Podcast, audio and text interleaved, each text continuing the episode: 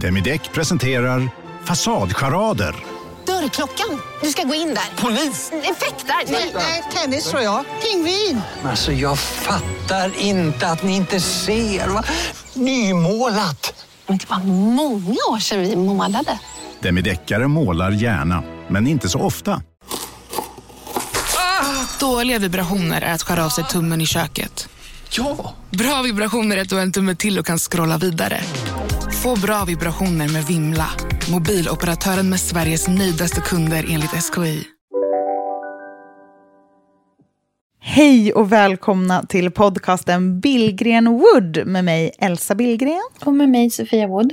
Och det här är ju vår trendspaningspodcast där vi pratar om saker som vi ser i våra sociala flöden, sånt som vi tror blir stort framöver och saker vi vill se mer av. Och vi försöker analysera och klura ut hur det kommer bli och varför. Mm. Ibland är det lite mer personliga avsnitt och idag så ska vi ha fortsättning följer på Frågepodden. Ja. För ni hade ju jättemånga spännande, roliga frågor. Och det känns som ett underbart sätt att avsluta de här sommarpoddarna som har blivit lite på volley mm. från gästrummet i Gotlandshuset. Och sen kommer det bli ordning på torpet och vi kommer ha en struktur på podden och petitterna kommer komma på fredagar och trendspaningarna kommer levereras. Mm. Bara så att ni vet. Men luta er tillbaka nu och njut av det andra avsnittet av Frågepodden. Välkomna!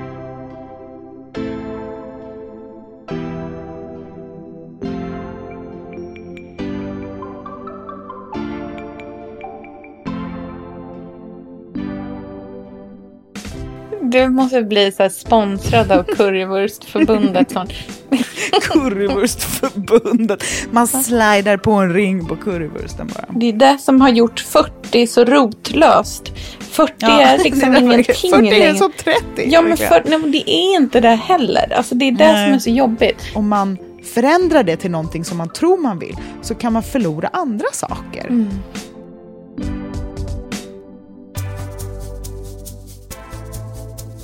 Woohoo!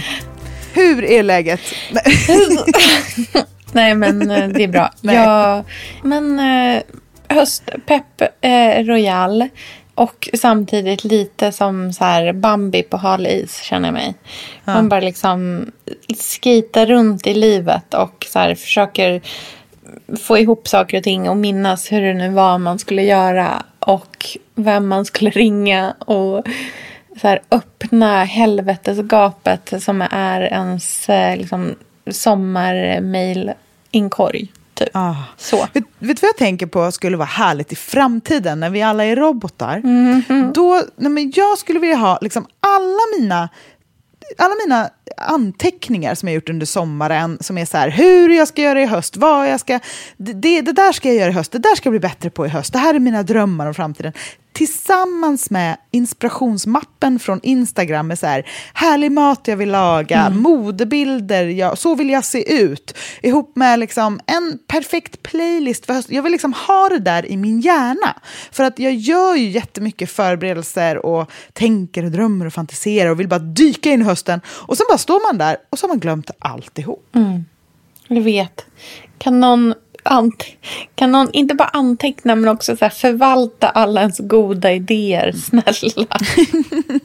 ja, men tänk dig i framtiden när man är liksom fembot, mm. hälften robot, hälften human. Nej, men, och då kan man i alla fall komma ihåg, alltså ha det i sig. Mm. Det vore så himla härligt. Man vill, jag vill vara en människa som liksom lo, håller vad jag lovar mig själv. Mm. Mm, jag vet precis. Alright, ska vi dyka in i frågorna nu så att vi hinner med allihopa innan liksom, tiden rinner ut? Verkligen, vi har ju en tendens att babbla lite, mm. och det, men det är väl härligt. Mm. Brännande fråga. Var är ni när ni är 60 år? Vad gör ni? Var bor ni? Vad är viktigt? Mm. När jag säger Sofia Wood 60 år, vad känner du då? fan. Eh, panik? Nej. panik. jo, du måste vara ärlig nu. Ja, jo men lite panik. Eh, jag mm. är ju... Jag tror ju att jag är så soft med att bli äldre och jag är det egentligen? Eller så här, en del av mig är soft med att bli äldre.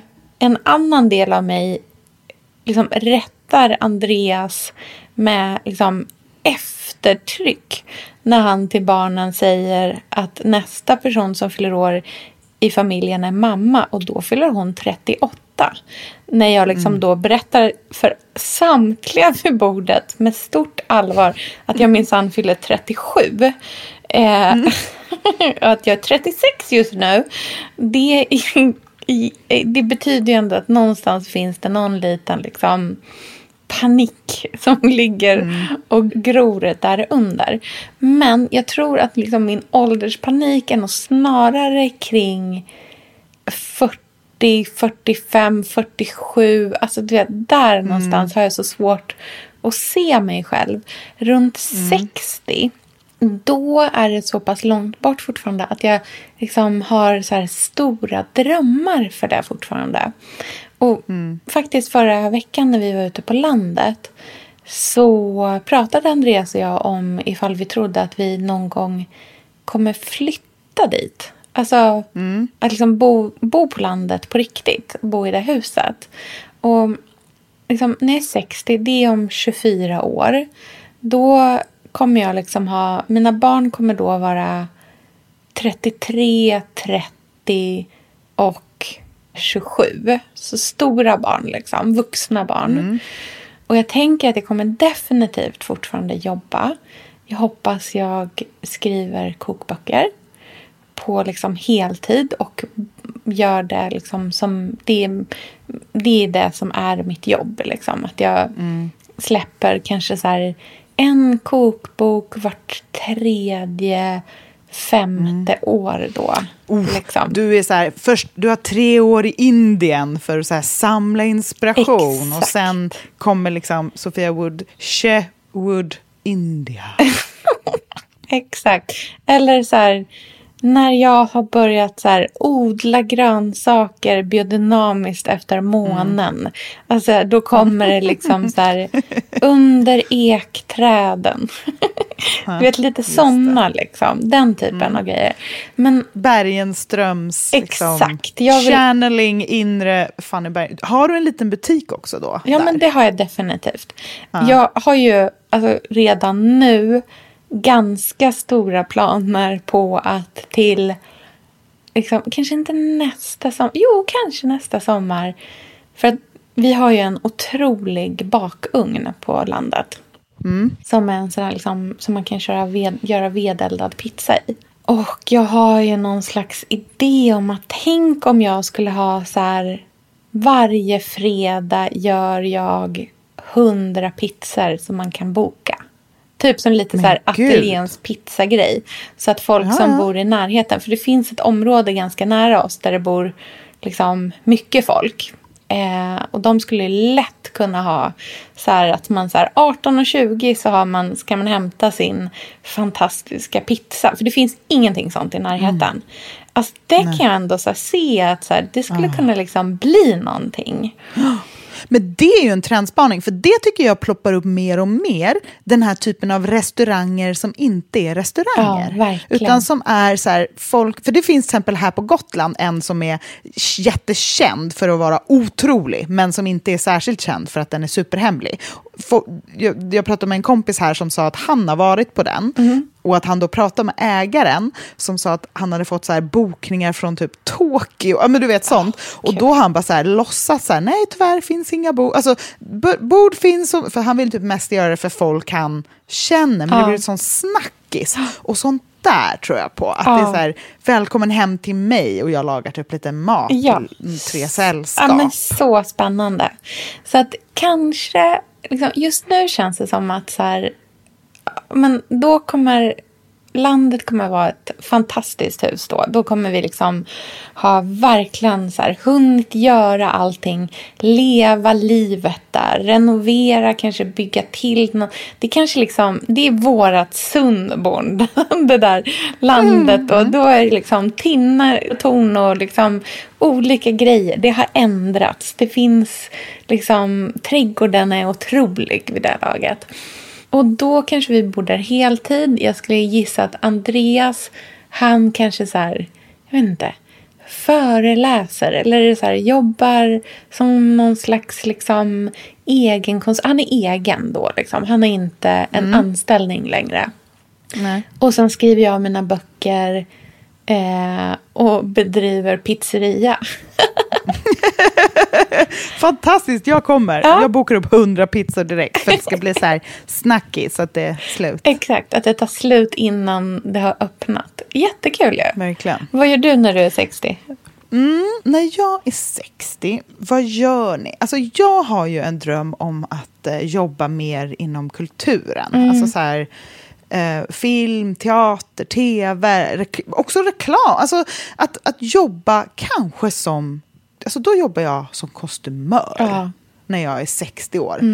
Ehm, då jobbar jag med andra kostymörer och har ett litet kanske så här kostymörbolag med några andra. Och vi hjälps åt och vi liksom har ett otroligt kontor som ligger i något gammalt 1700-talshus på Söder. Och man jobbar liksom över åldersgränserna och hjälper varandra. Och jag tycker att det, för det, annars kan jag tycka att den typen av jobb är ganska ensamt. Ja, verkligen. Eh, jag, jag vill jobba mer med andra människor i framtiden, känner jag. Eh, och göra det i små liksom, kluster, av, ja, små kreativa kluster. Och Jag tänker att så här, kläder och film och tv, och de, de, man kan liksom hitta ett härligt kreativt gäng som alla eh, har samma bas. Och så jobbar man liksom både tillsammans och enskilt. Underbart. Så det vill jag göra. Eh, då har vi kanske lyckats köpa loss grannlägenheten på Mosebacke så att vi har hela våningen, alltså så som lägenheten var från start. så vi bor kvar. För Det är ju min dröm att få bo kvar där. Alltså, vi kommer ju aldrig hitta en stor trea på Mosebacke torg. Det är det som är liksom... Ja, ja. Men eh, kanske om 25 år. Ja, Ehm, då har ni hela våningsplanet. Goals. Exakt. Goals. Du, då, då kan man säga Pontus är ju nästan redan ordförande i bostadsrättsföreningen. Så det, är liksom, vi, vi näst, det känns som att så här, då... Men då har ni bott in er liksom. Mm. Då har vi bott in oss. Eh, Lynn är ju 30 år då, så mysigt. Men, Och eh, jag tänker Pontus, då, åh herregud, hans låtar, han är en topproducent. Liksom. så han kanske jobbar deltid i, hmm, någonstans spännande. Så att jag måste åka dit och liksom bo där också då och Oh, Vet du då. vad jag tror? Nej, var? Prag. Ja, men exakt. Eller- Exakt så. Warszawa. Eller typ Madrid. Eller jag bara tänker så här, så man kan Mm. Lissabon. gå på typ Prado-museet Ja. Mm. och vara så här, jag vill vara en riktig jädra Ja. Mm. kulturtant. Och jag menar när man är sex, när vi är 60 så kommer det ju vara som 40. Alltså det känns som för varje generation, Det är redan som 40. ja, men varje generation så är det ju yngre. Det är det som har gjort 40 så rotlöst. 40 Ja, är liksom är ingenting 40 är som 30. Ja, men för, nej, men det är inte det heller. Alltså, det är det Nej. som är så jobbigt. Det är det som har gjort hela... Jag tror att det är därför man har så här... Man är, det är så svårt att se sig själv som så här 43. För att det känns som att det är en så... Liksom, det är inte en så signifikant ålder längre. Det är bara tid. Verkligen. Förstår vad jag menar? Men jag tror att när jag är 60, det är då jag kommer göra de här sakerna som jag verkligen vill och känner att jag kan. Mm. Ibland kan jag känna att jag typ gled in på en räkmacka i det här liksom, jobbet och Mm. livet som jag har nu. Men att jag typ aldrig riktigt valde det. Nej. Alltså jag, jag tog inte bara liksom... blev. Det bara blev. Jag Mm. fördes in i en roll Mm. som 20-åring och sen har jag liksom stannat för att det har funkat. Eh, men när jag är 60 då kommer jag ha kontroll över vad jag gör och göra det jag verkligen vill göra, Mm. tror jag. Men det vill jag heller inte stressa på. Det enda man undrar när man liksom pratar om alla de här grejerna och man är så fruktansvärt pepp. Det är ju att man Mm. bara undrar varför man inte gör det nu istället. Jag vet, men vissa, jag kan tycka att så här, viss, allting har sin tid. Ja, jag vill verkligen. heller inte vara klar när jag är 35 Nej. med liksom allt. Nej, gud, jag vill ha herregud. massa saker Verkligen framför inte. mig som är superkul och Mm. där jag verkligen kan komma till min rätt. Och, det, och det, med den här frågan, vad är viktigt? Alltså, då tänker jag på att njuta. Mm. Att, göra, att njuta. Jag tänker så här, tänk när Lynn är 30 och vi så här, åh, han och jag åker ensamma till olika ställen. Ja, och, mysigt. eh, bara ha världens Ja, finaste relation. Jag Ja. bara tror, han kommer vara så här, min lilla mamma. Åh. Stackars hans partner. Ja, herregud. Det kommer, Det kommer vara Nej, Elsa Billgren är min svärmor. Nej, jag kommer vara världens snällaste, jag lovar. Ja, men du Nej, kommer men jag också kommer ju bara, skämma bort. min Linn, gulligull." das kleine Linn. Exakt. Du vet ju, Pont- Pontus mamma är det mest kärleksfulla. Det är exakt så. ja, det är så det, Det kommer blir ju folk av honom också. Ja. Exakt. Nej, men eh, jag ser fram emot att bli 60. Jag tycker det verkar vara urhärligt. Mm. Ja, jag med. Vi får börja nu med våra planer. Det är bara att börja göra pizza. Mm. Jag ska söka till eh, UniArts när den, om tre år när det öppnas, eller vad det nu är. Ja. Man måste börja någonstans. Mm.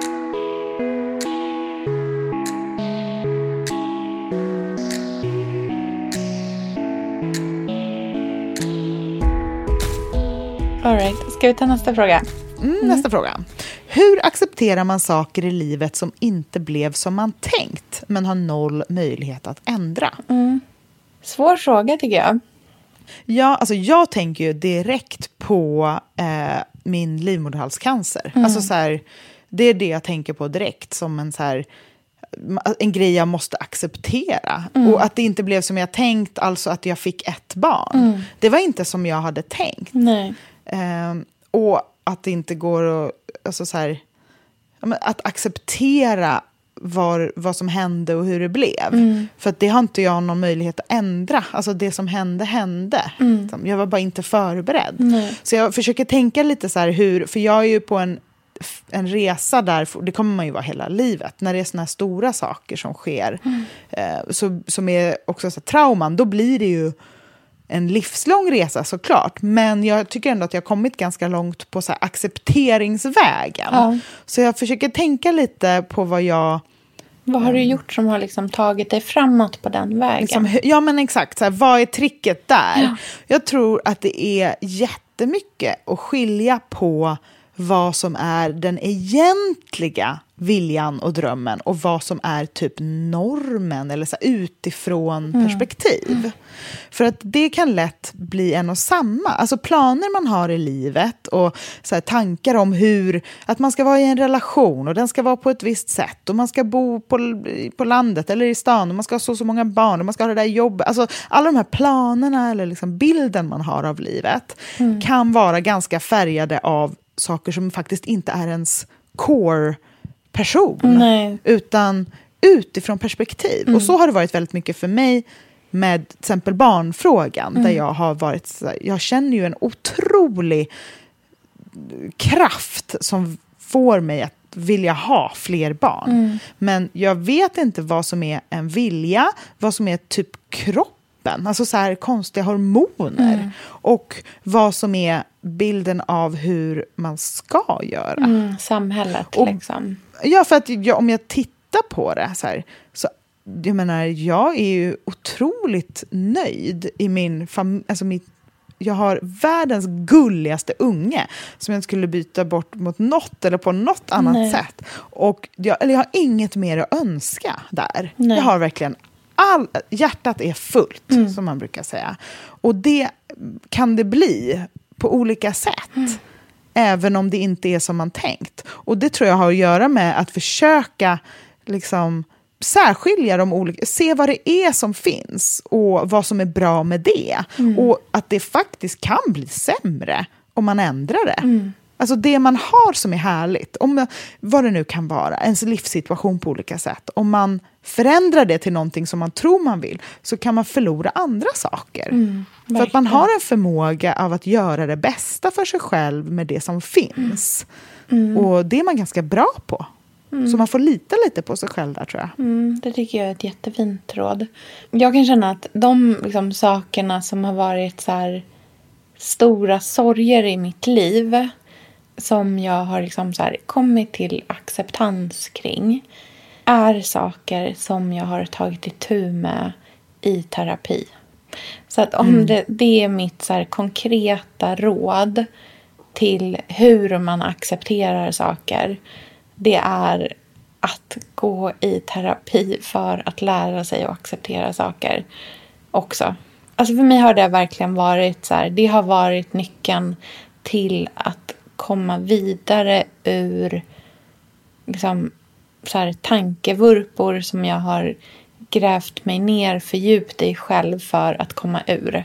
Och för att mm. istället komma till en plats där jag kanske kan känna eh, empati istället för eh, ilska eller ännu värre besvikelse. För det tycker jag är den värsta. Det är en av de mest mm. obehagliga känslorna som finns att bära på. Ilska är nästan lättare än besvikelse tycker jag. Mm. Eh, ja, för man separerar sig själv när det är ilska. Ja, Då behöver man inte liksom Det känns sörja. inte på samma sätt. Det är mer en, liksom, en kraft på något sätt. Och besvikelse mm. är så uppätande och så liksom sipprar mm. in i varje por av en. Liksom. Ja, bitterhet är ju det som förgör en. Ja. Alltså bitterhet är, det är slutdestinationen. Mm. Ja, där tar det stopp. Liksom. När man mm. blir bitter, då tar det stopp. Ja. Och jag tänker att så här, ilska, fine, men besvikelse är liksom stationen innan mm. bitterhet. Mm, nej, och dit vill man liksom inte hamna. Och det har verkligen varit så här, konkret för mig har det varit att ta hjälp från en extern person som är utbildad och har kunnat hjälpa att reda i det. Liksom. Och all mm. terapi jag har gått i har inte varit liksom, lika bra. Det har varit olika... Liksom, vissa sätt har passat mig bättre. Vissa terapeuter har passat mig bättre. Vissa har passat mig sämre. Men i det stora hela så är det det som har varit den, stora, den stora kraften i att komma över besvikelser. Mm. För livet är, det måste man ju acceptera någonstans, att så här, livet är Sofia, vi är sponsrade av Tradera som är vår favorit, älskling och räddare i nöden. Nu ska alla göra exakt det jag ska göra. Ja mitt enda fokus just mm. nu det är att sälja allt jag har. och Jag ska göra det på Tradera. Och, skönt, och Jag vill rekommendera ja. alla att göra Men det. Så skönt att slippa ha typ loppis på gården och ingen kommer. Talat av egen erfarenhet. Mm, nej, nej, nej, nej. På Tradera det är alltså en otrolig marknadsplats mm. för cirkulär konsumtion. Och Det är liksom så vi måste tänka framöver. Framför allt så ska vi tänka på vår semesterkassa. Den ska vi också tänka på. Den ska fixas nu. Ja, och för att det ska klirra till lagom ja. till semestern så är det lika bra att börja rensa nu. Mm. Vad har vi i skåp? Vad har vi i lådor? Vad kan bli till rena pengar på kontot? Vad kan kan bli min sommarresa? Mm, vad kan bli den där ja, men den där goda lunchen efter en dag på stranden? Vad kan bli en picknickkorg full av godsaker? Vad kan bli en ny gräsklippare när den gamla pajade? Den här sommaren ska bli den bästa sommaren. Jag vet, det här läste jag faktiskt i tidningen i morse också. Mm -hmm. Att det ska bli en otrolig sommar. det ska vara så soligt, vi kommer bada så mycket. Mm. Allt, det ska njutas. Det ska det. Mm. Vi är värda det efter den här vintern. Ja, och vi gör det genom att fixa semesterkassan tillsammans ja. med Tradera. Underbart! Så in och sälj dina saker på Tradera och boosta semesterkassan nu. Tack Tradera på så många sätt. Älskar er.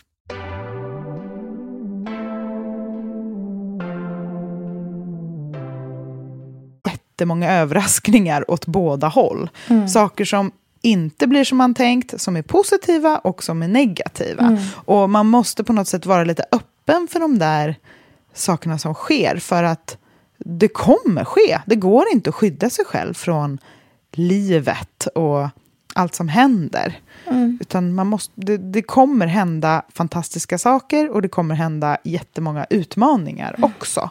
Och att tro att man kan ha kontroll över livet och planera det och ha föreställningar kring saker är nog att göra sig själv ganska besviken. Alltså då blir man ju... Det, det är svårt att bli eh, glad då. För att då är, när allting blir som man tänker sig, då uppstår ju en tomhet istället. Mm.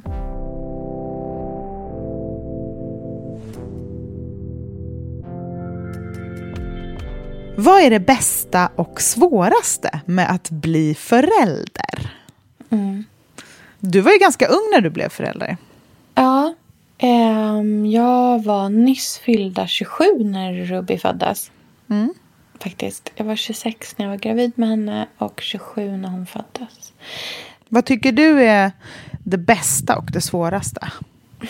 Alltså, det är så svårt att liksom prata om det här utan att bli liksom klyschig. Jag, försöker, jag tänker att jag ska försöka vara liksom så pass så här, eh, liksom transparent som det går. Så att det inte blir så här, det bästa är kärleken. Eh, och det är det ju liksom, såklart. Eh, men jag tycker också så här, det bästa förutom att man liksom känner en väldigt självklar kärlek så är det också så här, sammanhanget man skapar för sig själv. Att, så här, att bli ett gäng. Och att man är ett gäng som har traditioner eller som har rutiner eller så här små saker som man alltid... Det finns någonting som är så här otroligt liksom... Gud vad man kan mysa i att så här ha internskämt med en unge. Alltså det är så jäkla härligt tycker jag. Och den biten, det gör att jag känner, och det här är så svårt att säga för att jag vill liksom heller inte liksom förminska de som inte har barn. Men för mig känner jag att barnen ger mig ett väldigt mycket större sammanhang i att så här, typ finnas som en person jag också. Jag känner att de ger mig anledningar att typ leva en vardag som inte handlar om mig. Och att jag känner att jag har ett, så här, ett syfte och ett ansvar. Och det kan man ha utan barn också, 100 procent. Men det är en känsla som jag får av våra tre barn. Liksom. Att det är fantastiskt. Och det, jag uppskattar det enormt mycket. Det svåraste då? Det svåraste... Jag försökte vara så här, tänka liksom konkret. För jag tycker att det svåraste är ju såklart liksom oron. Och den har ju jättemånga olika uttryck. Jag tycker att så här, dels finns det liksom en så oro kring... Så här, är de lyckliga? Har de vänner? Är de i ett gäng där man är snäll mot varandra? Vad händer när inte jag är där? Eh, är de vakna på natten och tänker på någonting? Vad säger de inte till mig? Sån, den typen av så här oro tycker jag är eh, stor. Och den växer ju liksom och blir mer komplex ju äldre barnen blir. När man har en liten bebis så är man ju orolig för så här, plötsligt spädbarnsdöd och man är orolig för om de lägger på sig vikt och sådana så här, hur, är, hur är amningsgrepp? Alltså du vet sådana saker liksom oroar man sig för. Men nu när jag har liksom äldre barn så är jag också så här orolig för så här, kommer en kompis visa henne någonting på TikTok som kommer göra henne ledsen? Alltså du vet sådana saker oroar mig jättemycket. Men någonting som jag också tycker är jättesvårt det är när man så måste vara förälder på ett sätt som är obekvämt. Till exempel om de så har en kompis som man tycker inte beter sig 100% schysst.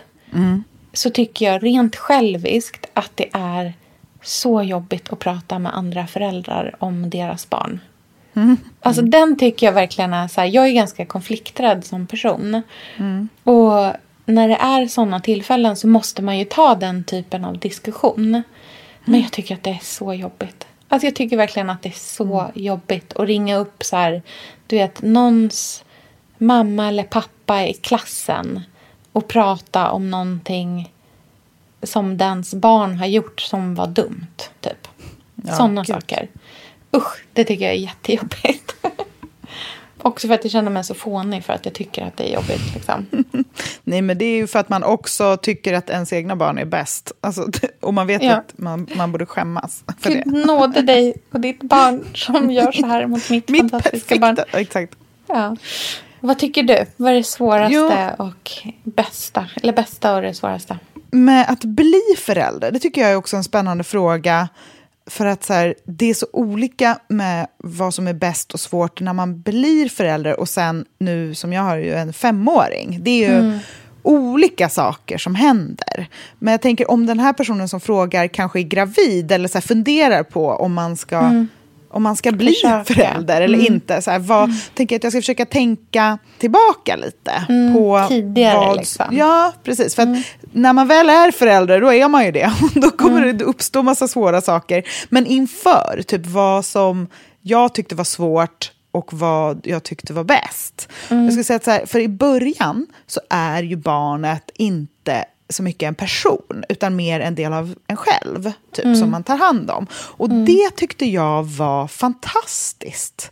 Att få kliva ut ur min hjärna och kliva in i min kropp. Att det var... Alltså, att bli förälder tyckte jag var en sån paus från typ självhat. Och så det där med så här, kärleken till barnet, ja, men också så här, kärleken till mig själv. Och då menar inte jag att man går omkring och bara jag var så amazing som födde det här barnet. Eh, Alltså inget sånt, utan mer typ sluta bara analysera sig själv och sina tillkortakommanden och få lite paus från hjärna och bara få vara i så här, kropp och det här lilla knytet och ta hand om det. Eh, Och jag vet att det är ju säkert det många är rädda för också. För man måste ju släppa taget om analys, alltså så här sin eget grubbleri. Det finns inte så mycket utrymme för det. Men jag tyckte att det var en befrielse. Att få, Det är väldigt så här krasst. Bland det bästa var att få vara bara som en bara människa ett tag. Hade du eh, ehm, FOMO när du blev gravid? Inte när jag var gravid. Det var så mycket hormoner som ställde till så jag lyssnade knappt på min egen röst. Alltså, det säger jag bara till alla som ska bli... Lyssna inte på er själva. Ni har fel. Alltså, Det var så här, alltså, du vet, jag var ju beskyddande och arg på allt. Alltså så att jag skäms idag när jag tänker på det. Nej men jag var stött. Du vet, jag vågade knappt säga vad Lynn skulle heta eller om han var en pojke. För jag var så stött att folk ville veta det. Och så här i efterhand förstår jag ju att det måste vara någon djurisk grej för att skydda. Alltså att det, För det var ju starkare än mitt intellekt. Ja, just det. Men idag skäms jag något oerhört. Jag kommer också ihåg när jag var så här, i slutskedet av graviditeten och typ en, hon, en servitris på Babylon bara “Gud vad du är fin!” och jag, typ, alltså jag fräste åt henne på riktigt. För att jag bara “Jag är inte alls fin! Jag, jag föda det här jävla skitbarnet och det kommer aldrig ut!” Alltså jag var liksom inte in the mood. Och, det, och hon bara “Oops!” alltså, och så här, backade ut ur rummet. Jag känner verkligen så här “Oj, det där var Ja. inte jag”. Nej. Ehm, så jag hade ingen FOMO då, men jag hade nog en känsla av att jag, det var så härligt med en bebis. Jag ville bara göra, jag ville liksom äta upp hela livet. ja. Och bara vara på någon fest med den där spädbarnet och rullade hem till. Alltså, men det var inget konstigt, man bara testade sig fram. Med allt. Men det, bästa, det bästa med att bli förälder är nog att man blir snällare mot sig själv. Eller så var det för mig. Att så här, blev, jag blev mer bara en person som alla andra. var inte så mycket i mitt eget huvud. Det var väldigt Nej. skönt. Eh, och det tycker jag följer med i föräldraskapet senare. Att så här, ja, men jag är barnslig, jag bryr mig inte om hur jag ser ut. Jag, eh, när man är som kärast i sin partner, du vet när man har så här ful hårtofs och typ mascara under ögonen för man orkade inte sminka av sig igår och man typ brottas och man så här äter det som är gott eller typ bara äter rester. Så är ju föräldraskapet. Det är den snälla sidan av livet. Mm, verkligen. Och det tycker jag är det bästa. Att man bara får vara trygg. Så här, det jag menar är att jag var inte så mycket sån innan. För att jag var Nej. ganska hård mot mig själv i hur jag behöver vara, helt enkelt. Vissa människor är ju bra på det här även när man är bara med sig själv. Annars, liksom. Ja, och då är ju det någonting annat som är det bästa, kanske, för dem. Men, och sen det svåraste med att bli förälder är ju att det går aldrig att gå tillbaka. Alltså, det finns ingen känsla av frihet någonsin Nej, igen. nej. Mm, Jag är fast i Ja. att han är mitt barn och jag är hans mamma och det kommer för alltid vara så. Och det är det viktigaste av alla saker. Och Mm. jag kommer aldrig vara fri. Nej. Det är ju, alltså typ alla jag känner har ju haft alltså, rå panik när de har kommit hem från BB med bebisen. Och varit så här, vad har vi gjort? alltså den känslan tycker jag verkligen, alltså den har samtliga haft. Jag har kompisar som har satt sig båda två och liksom verkligen, verkligen gråtit när de har kommit hem från BB. Och bara, nej, det här, vi är inte rätt personer. Vi kan inte deala med det här. Liksom. Och det tror jag också är så här, jag vet inte om folk behöver höra det eller om vissa, alltså för, för mig är det väldigt så självklart. Alltså jag var liksom, jag är så förberedd på att typ alla kommer känna så. Men jag tror att det finns många människor som liksom, det, det verkar som att det finns människor som inte har hört det här innan. Och som tror att det är så här helt barockt att, nå, alltså så här, jag tycker att det är liksom helt sjukt att det skulle kunna vara så. Men för mig är det bara så här, ja ja, men så, så, så upplever alla det liksom. Ja, men det är ju innan barnet är ute så är du du. Sen Ja. är du en förälder. Alltså, Ja. you can't go back. Nej, och det, exakt. det är liksom... You're stuck. You are stuck. Det tycker jag är det svåraste eh, med att vara förälder. För att det, det går faktiskt inte att föreställa sig innan. Att så här, jag menar, en relation kan man gå ur om man vill. En, Mm. Ja. liksom, en, en bostad man inte trivs i kan Mm. man sälja. Alltså, man, kan, man kan flytta till ett annat land. Det finns så mycket. Men du är förälder när du är förälder. Så är det bara. Jag vet. Okej.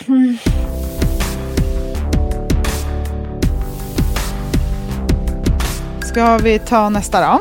Oui. Var ska jag fria till min kille i september? Vill ha maximalt höstmys, tänker utomhus. Stockholm. Så det här tyckte jag var så mysig fråga. Jättemysigt. Frieri! Yay! Synd att det ska vara utomhus för annars är ju mitt favoritfrieri är ju i duschen. Alltså jag tycker Oh, gud. Oj. myset att fria när man står och duschar tillsammans. Nej men gud. Alltså- Skulle du gå ner på liksom... Är du... Kan jag inte gå ner Eller- på knä då? Nej, just det. Då- Det kan bli miss i kommunikationen då. Det blir definitivt miss i kommunikationen då. Here's a ring for you. ja, jag vill slide it on. Okej. Nej, inte Gud, så. ja, ja, nej, jag ska inte. Nej, det var, det var inte vårt tips. Men Nej. väldigt romantiskt och fria i duschen. Så Lite, alltså, jag tror att det där är ju nyckeln. Man ska tänka filmiskt. Ja, Liksom- jag tycker att det ska vara absolut inte på en restaurang. Alltså så här, det ska Nej. vara när man inte tror att det ska hända. Det måste vara... Det måste, alltså jag tycker att det verkligen ska vara spontant. Jag tycker typ inte att man ska ha planerat det så himla mycket. Nej, nej. Jag, kanske så här höst i Stockholm utomhus. Eh, er favoritpromenad. Alltså det ska vara saker som är så nära kopplade till ens liv. Det är därför jag inte tycker att man ska så här fria när man åker på en resa till ett ställe Nej, man aldrig har varit på tidigare. Man ska vara 100% trygg. Man ska kunna liksom fokusera på varandra bara och på liksom så här, vad man ska säga. Inte bara, oj vänta nu kommer högvakten här. Alltså så här, det ska vara typ så här på väg till Konsum. Eller alltså förstår du vad jag menar? Jag tror att det är bra när natur... Alltså duschen funkar ju jättebra eftersom det är vatten. Det blir liksom som att man typ står i ett vattenfall tillsammans Ja, eller någonting. Ja. Men jag tror att just naturen ska vara väldigt närvarande. Och då menar Ja. inte jag bara en vacker vy, utan jag menar typ att man ska känna naturen på huden.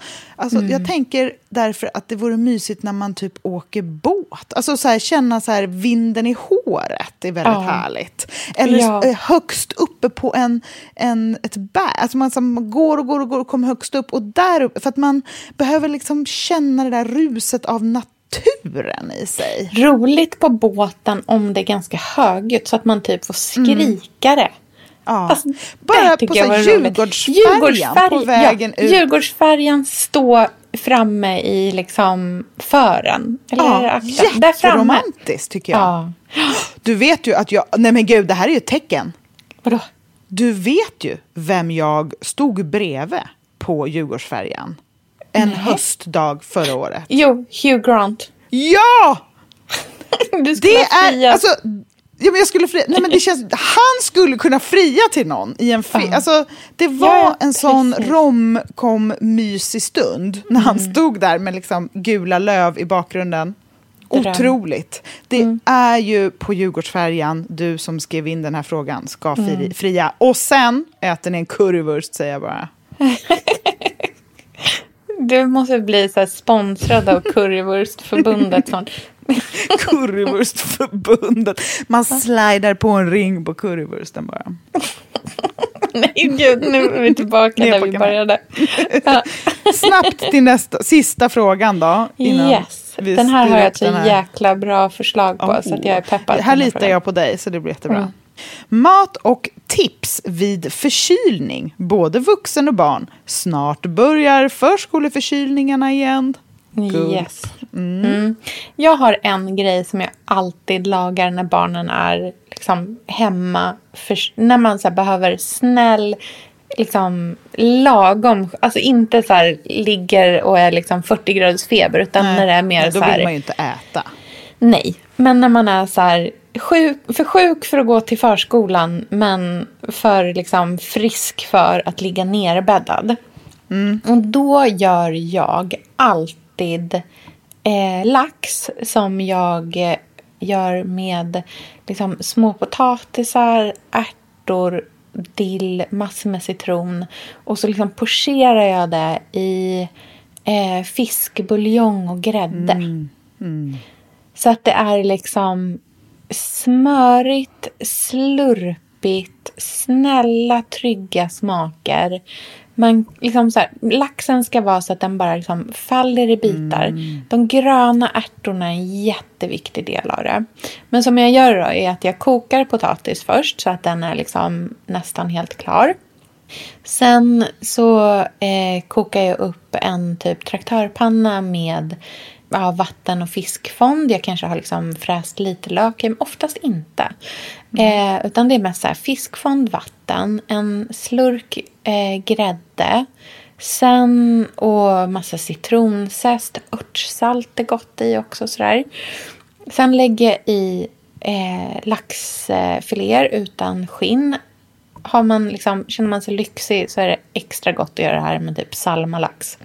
Eh, och så stänger jag nästan av, alltså det ska bara vara på liksom ettan.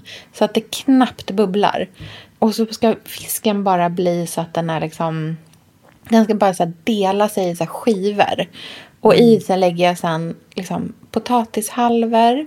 Och när det är liksom kanske en minut kvar, då häller jag i ett par nävar med frysta ärtor som bara får liksom typ tina upp i den här såsen. Och sen massor med dill och eh, serverar med citronklyftor. Gud, Det är Har du det här receptet? Jag har det här receptet. Ja, och jag har då typ en lägger vi bild upp på det. det. Omedel- ja, men vi lägger upp omedelbart. Och det har jag verkligen lärt mig. Att så här, gröna ärtor ska verkligen aldrig koka. Nej, de ska bara, de är redan förkokta. De ska bara liksom bli, det är så man får dem sådär Mm. juicy som man vill ha dem. De var aldrig, för de blir ju hårda om man kokar dem. Är så Min lillebror brukar till och med lägga dem bara i vatten typ i en kastrull. Knappt Ja. sätta på alltså, platta. Ja, de bara bara bli- tina dem. Mm. Verkligen. Eller vet du vad ett annat tips är? Lägga dem i en kastrull med bara, alltså frysta med bara en klick smör.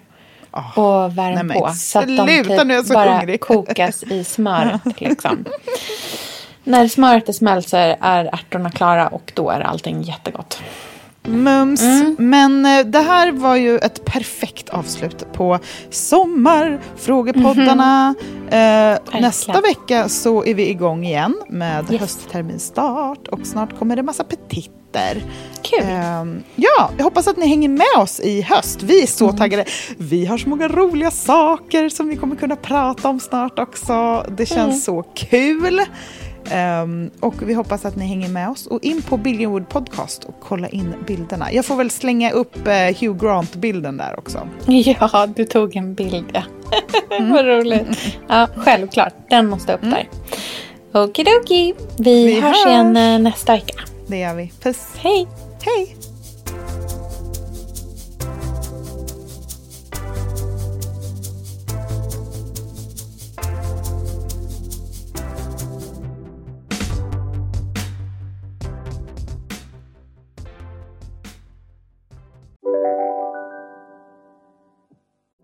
Lyssna på en ekonomistats podcast om du vill lära dig mer om döden, livet, kärlek, sex och hur allt hänger ihop med pengar på något sätt. Med mig Pingis. Och med mig Hanna. I samarbete med Nordax Bank. Hej, Synoptik här. Visste du att solens UV-strålar kan vara skadliga och åldra dina ögon i förtid? Kom in till oss så hjälper vi dig att hitta rätt solglasögon som skyddar dina ögon. Välkommen till Synoptik. Här sitter jag i en ljudstudio tillsammans med ett sjölejon för att berätta att McDonalds nu ger fina deals i sin app till alla som slänger sin takeaway förpackning på rätt ställe. Även om skräpet kommer från andra snabbmatsrestauranger, exempelvis Eller till exempel Ja, precis.